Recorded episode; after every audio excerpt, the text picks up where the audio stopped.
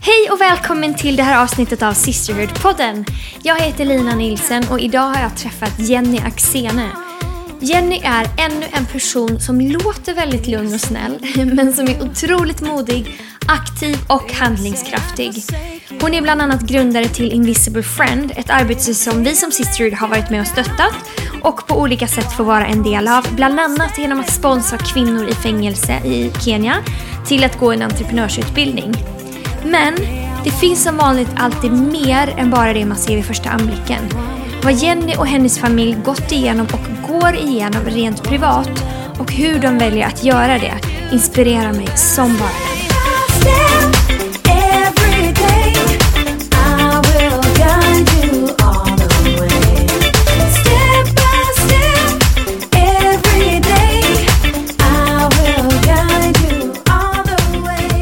Idag har jag och hunden Spike fått besök av Jenny Axene. Tack för att du är här, Jenny. Tack Lina, för att få komma. Vilket härligt väder idag. Det är fantastiskt.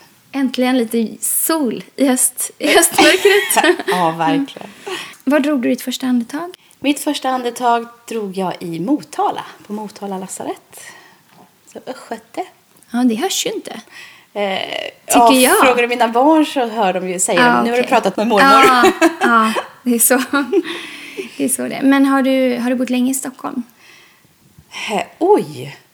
Ja, alltså jag kom till Stockholm 90, 96. Ja, så det är ganska länge. Och sen har du bott någon annanstans? Ja, sen har jag bott i. Malmö och Tyskland och Thailand. Och Ja, lite olika. lite olika. Ja. Hur ser fredagsmyset ut hos familjen Axene? Åh, fredagsmyset är väldigt splittrat just nu. Men härligt. Jag menar, Lovisa drar in till ungdomarna och Levi och Lukas till Heroes ibland. Ja.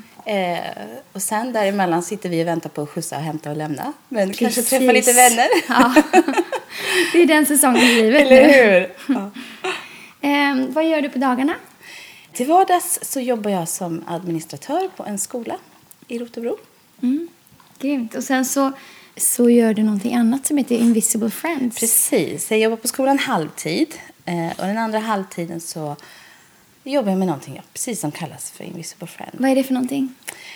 Det är en ideell förening. Vi arbetar med att uppmuntra, belysa och beröra barn och mammor som sitter i fängelser.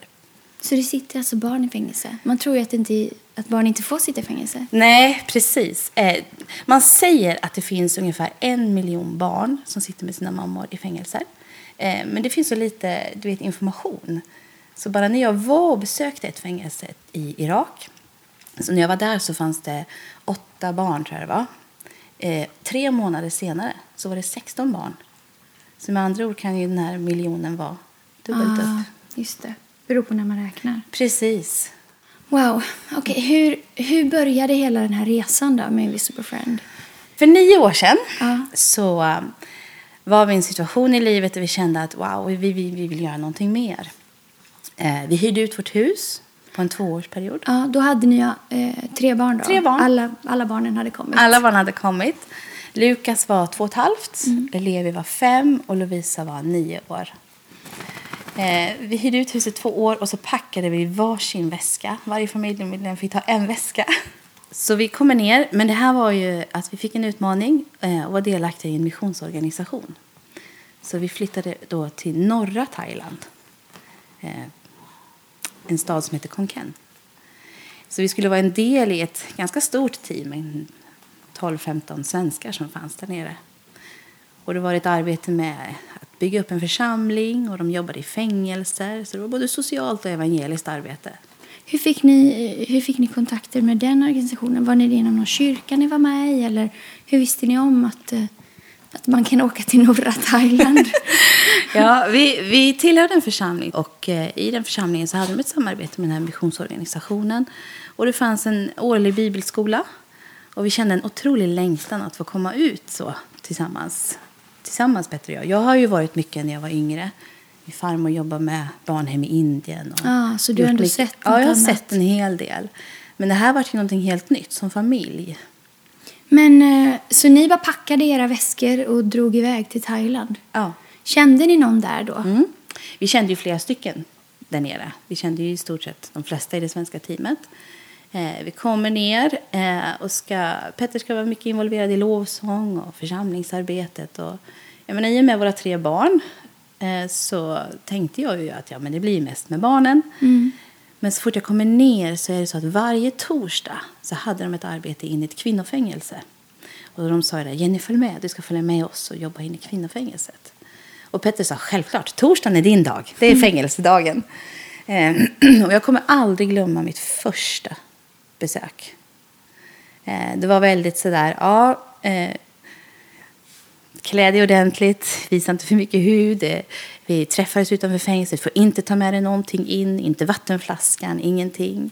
Så vi kommer då till en, en grind och tänkte att det är 37-38 grader varmt. Mm. Eh, du kommer till en grind, du kommer innanför den. Eh, du får låsa in om du hade nyckel eller plånbok med dig, telefon. Går innanför nästa grind, du får skriva på papper och sätta på en lapp på dig. Och då börjar man tänka, oj, hoppas jag kommer ut härifrån. Precis, kära Så tredje... Jag åkte ut till Thailand och vi kom aldrig tillbaka Eller igen. hur? Så tredje grinden fick vi liksom vänta på att en vakt skulle leda oss till den fjärde grinden. Och första mötet kommer jag aldrig glömma. Dörrarna öppnas och jag möts av 200 kvinnor som tittar på oss. Och så hör man Nung, Song, Sam, Se. Alla fick räkna sin siffra. Mellan ett och halv tre så hade vi tid och vi fick komma in i fängelset, möta kvinnorna. Eh, vi fick ha undervisning med dem. Eh, vi fick, eh, nej men du vet, vi träffade dem. Kunde kanske ta ut ett litet meddelande till någon anhörig.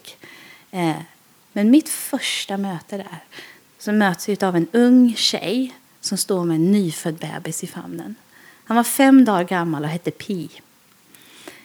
Mamman satt där för att hon hade stulit mat när hon var gravid och hungrig. För det är ju oftast frågan, varför sitter de i fängelset? Eh, en väldigt hög procent är ju överlevnadsbrott. Man gör någonting för att överleva.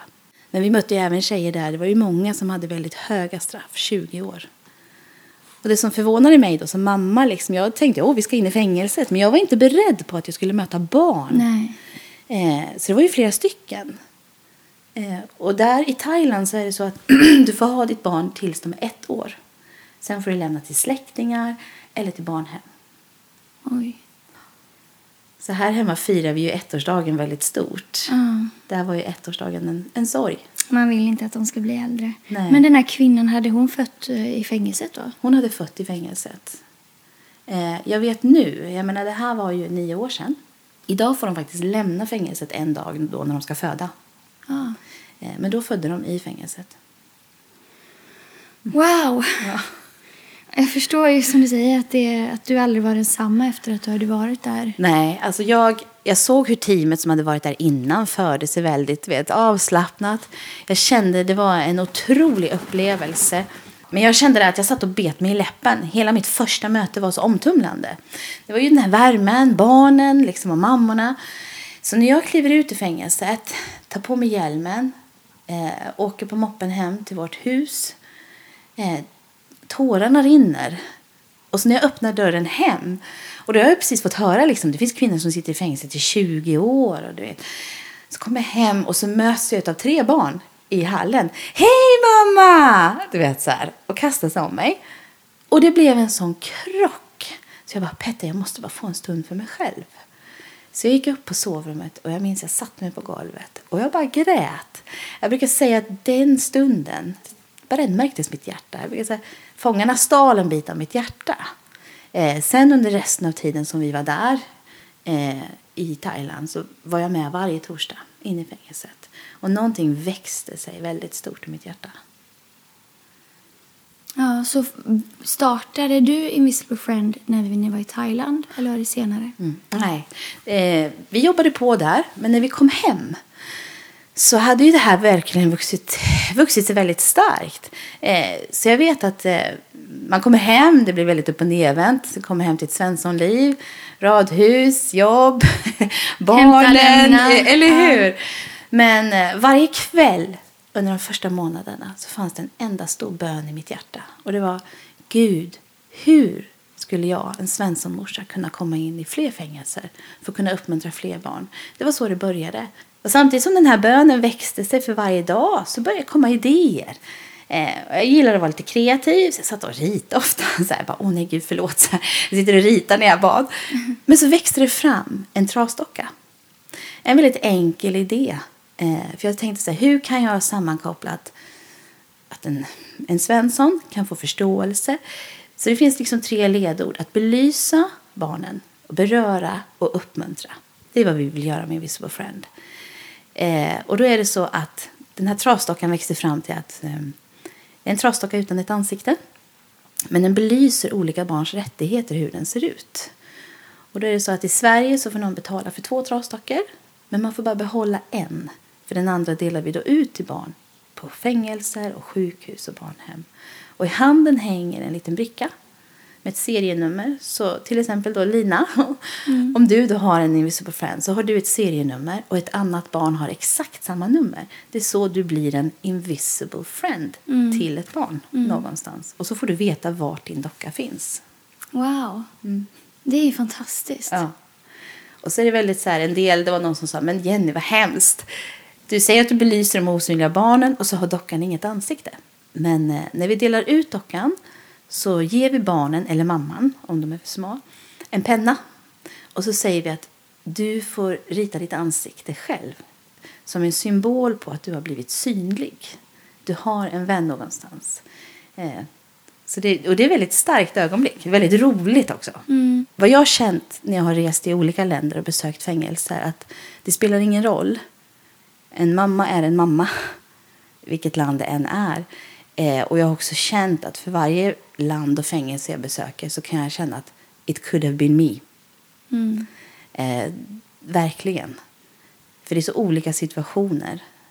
I Mellanöstern är det ju kanske helt andra orsaker du sitter i ett fängelse. Du har lämnat ett hem utan en man, du är gift av kärlek och är dömd av familjen. Jag eh, träffade tjejer som otroligt tog mitt hjärta.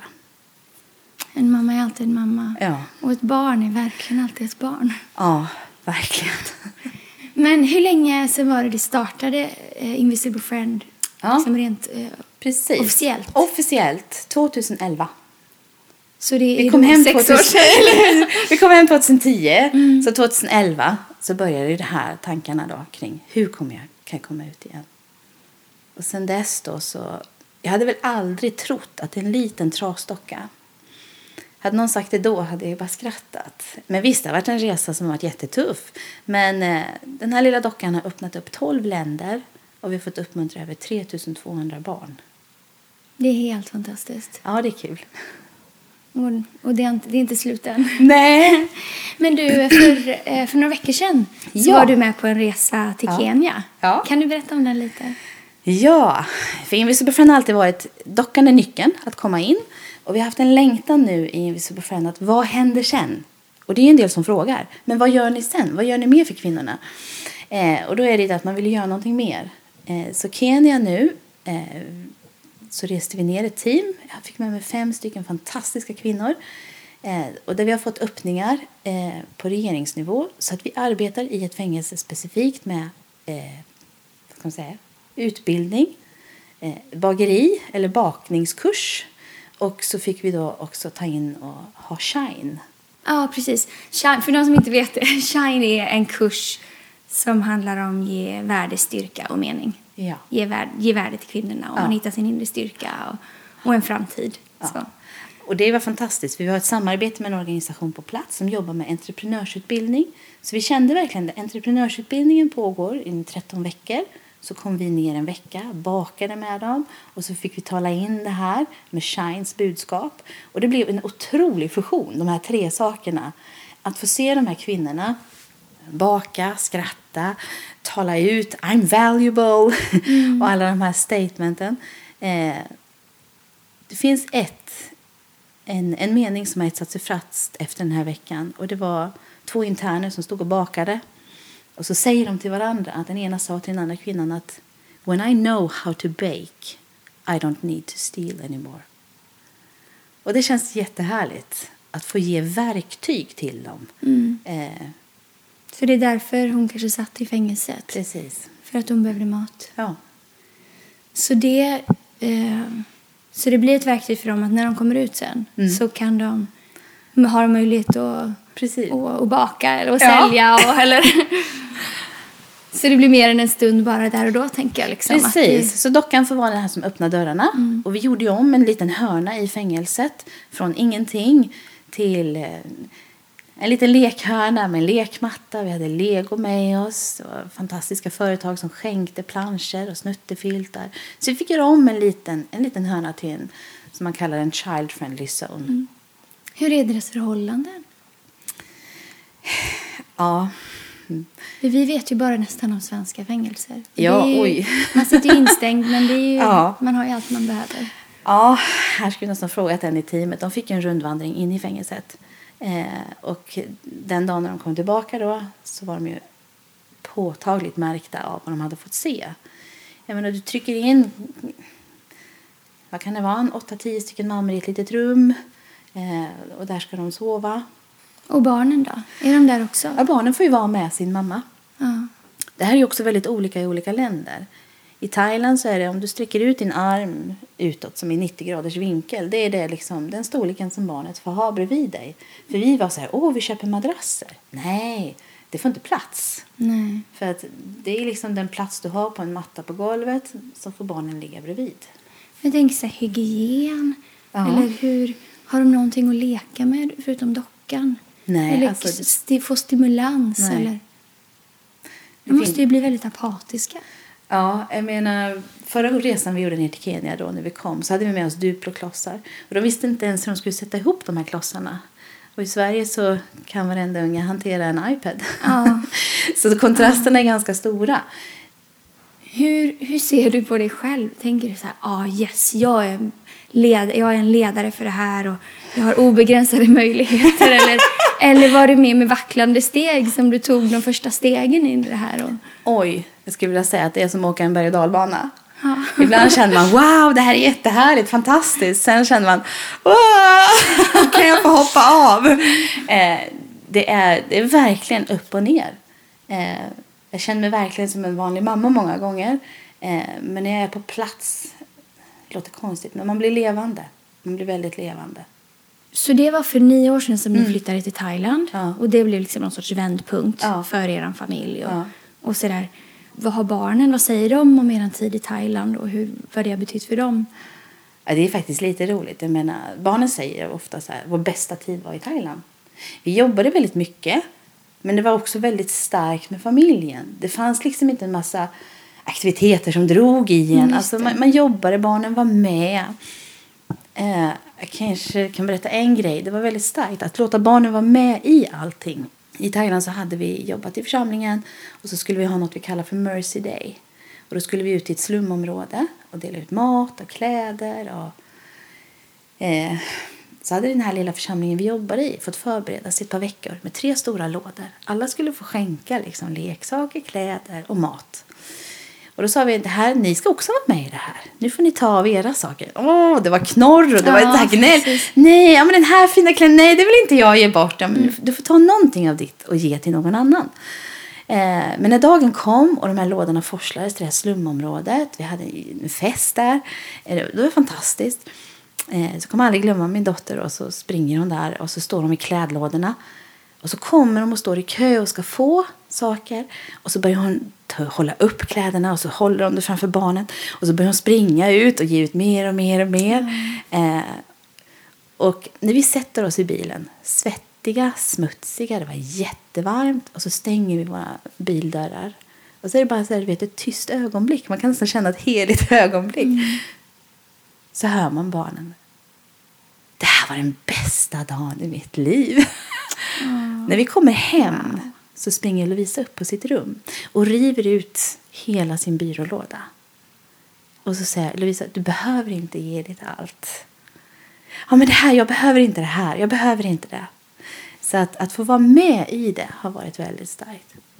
Sen har, ju, har vi åkt tillbaka och barnen har fått vara med och Lovisa också varit med på andra resor. Men det betyder mycket. Mm. När man får se någonting. Man får se ett annat behov. Mm. Och man blir väldigt tacksam till det man har.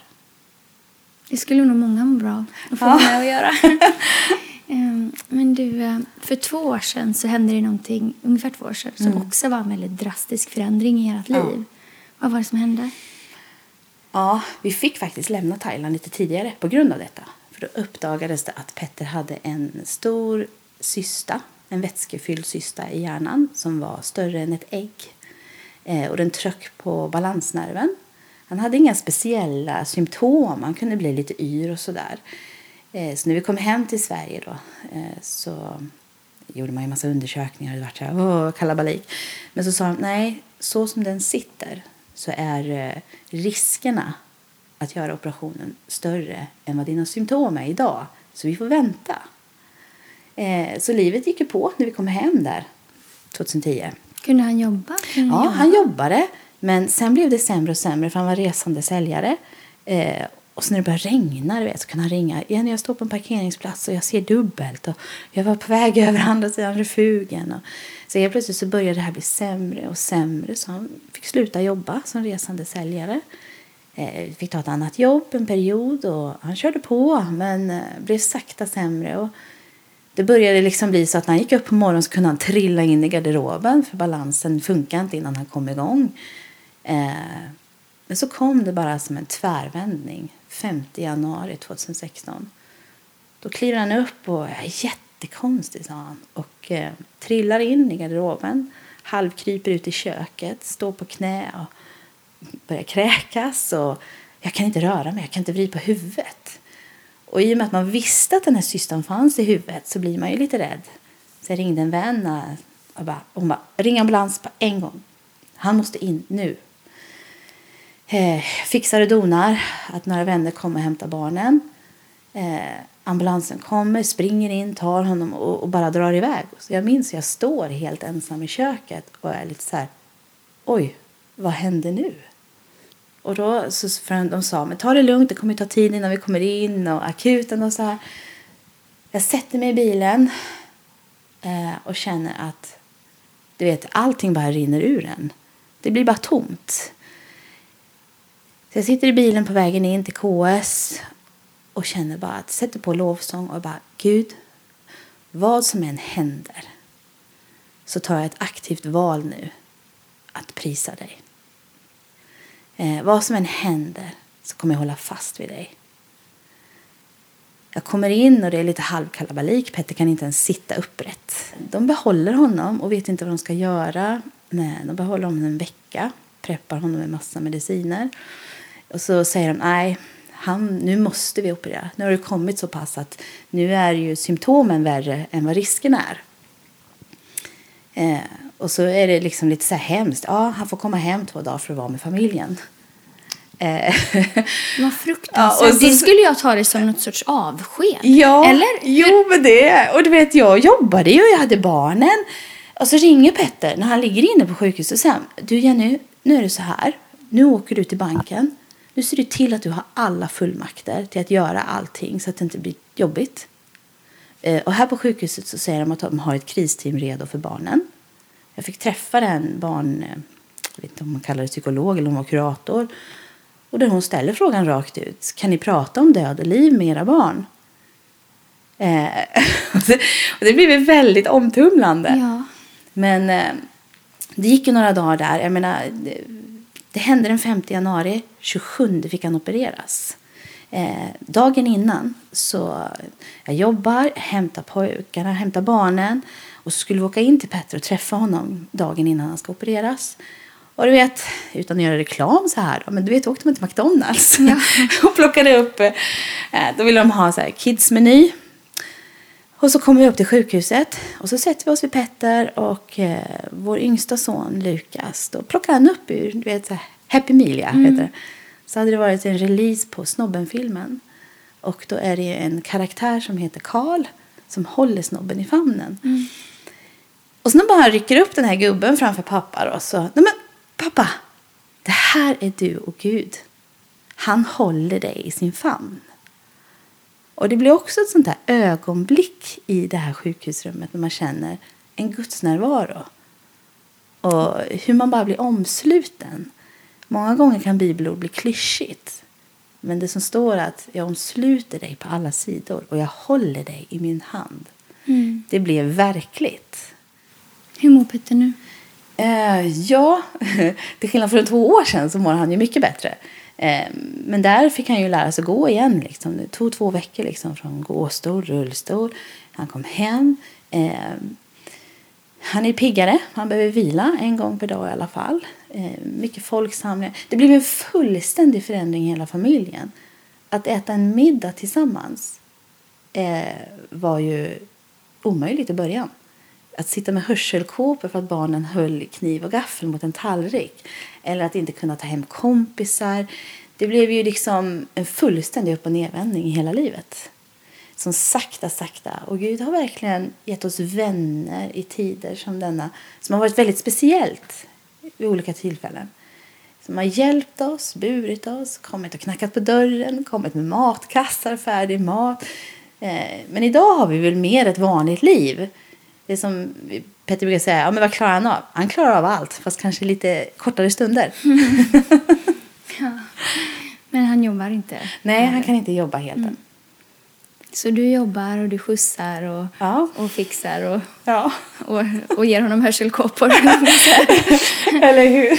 Men då finns det ju många som skulle tänka ja, nu behöver vi fokusera bara på familjen här. Mm. Nu behöver vi pausa det här med Invisible Friend. Ja. Nu behöver vi liksom... Jag klarar inte av det här. Nej. Men ni har fortsatt med det ja. ändå. Ja. Hur kommer det sig? Än en gång här då. Det finns ett bibelord som säger att Gud tar inte bort sina gåvor och sin kallelse. Och det har han verkligen visat i vår familj. Att vad vi än går igenom så finns det kvar. Och det här är helt galet. Det kan nästan låta provocerande tror jag för en del. Dagen han opererades, det var tre saker jag var jätteorolig för. För de sa att eh, det sitter så nära en nerv så han kan bli halvsidesförlamad. Han kan ju bli en annan person på grund av att vi är i hjärnan. Eh, och minnet. Så det var de här tre sakerna som oroade mig. När han hade opererats hela dagen så skulle jag få träffa honom fem minuter. Och Jag hade en vän som följde med mig in. Och då var det de här tre sakerna. Gud, du måste visa att, att det är okej. Okay. Eh, vi kommer in i rummet, inlindade, vet, hela huvudet, ansiktet svullet, slangar överallt. Och man är så här, kommer han känna igen mig? Är han förlamad? Och så kisar han mellan sina, sitt svullna ansikte. Och så är min vän med mig in. Och så bara, åh, hej. och så fick han syn på min, min vän och så bara, åh, Anna, uh, uh, dra inte i täcket för jag är naken. och så skrattade han.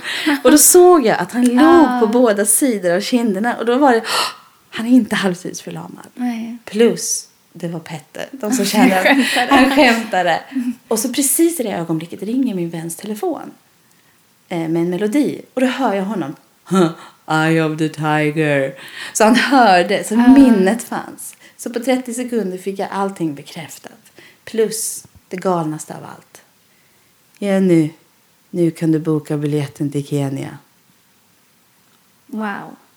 Eh, och jag bara, du är inte klok. För det var tänkt att jag skulle resa i februari och det här var ju operation i januari. Mm. Eh, och galet nog, kanske en del tycker, så reste jag i januari.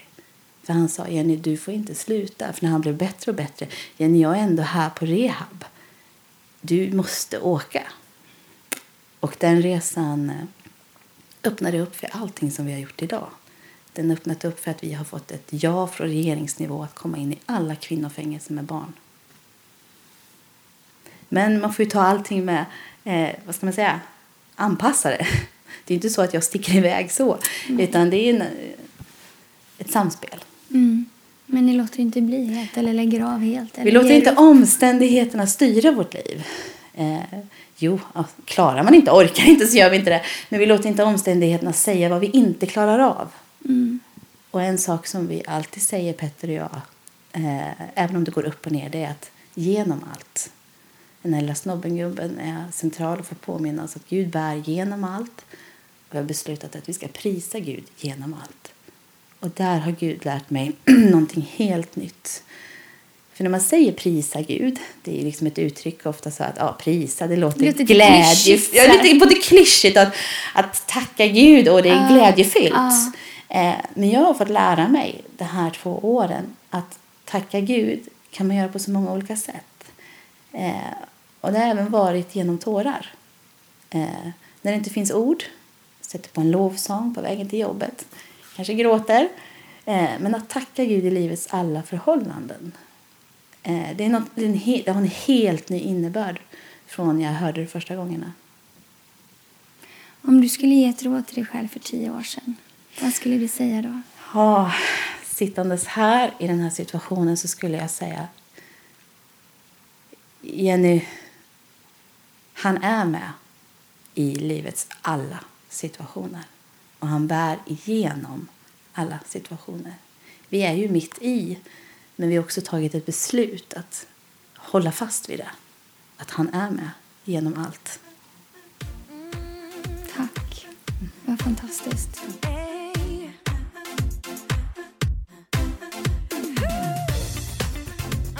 En sak är att berätta något när man är över på andra sidan och allt är bra. Men att mitt i svårigheter eller utmaningar varje dag välja vem man vill vara, hur man vill leva och vem man vill leva för.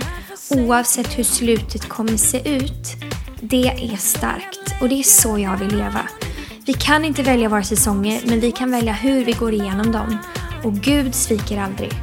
Jenny låter inte omständigheter definiera vem hon är eller vad hon lever för.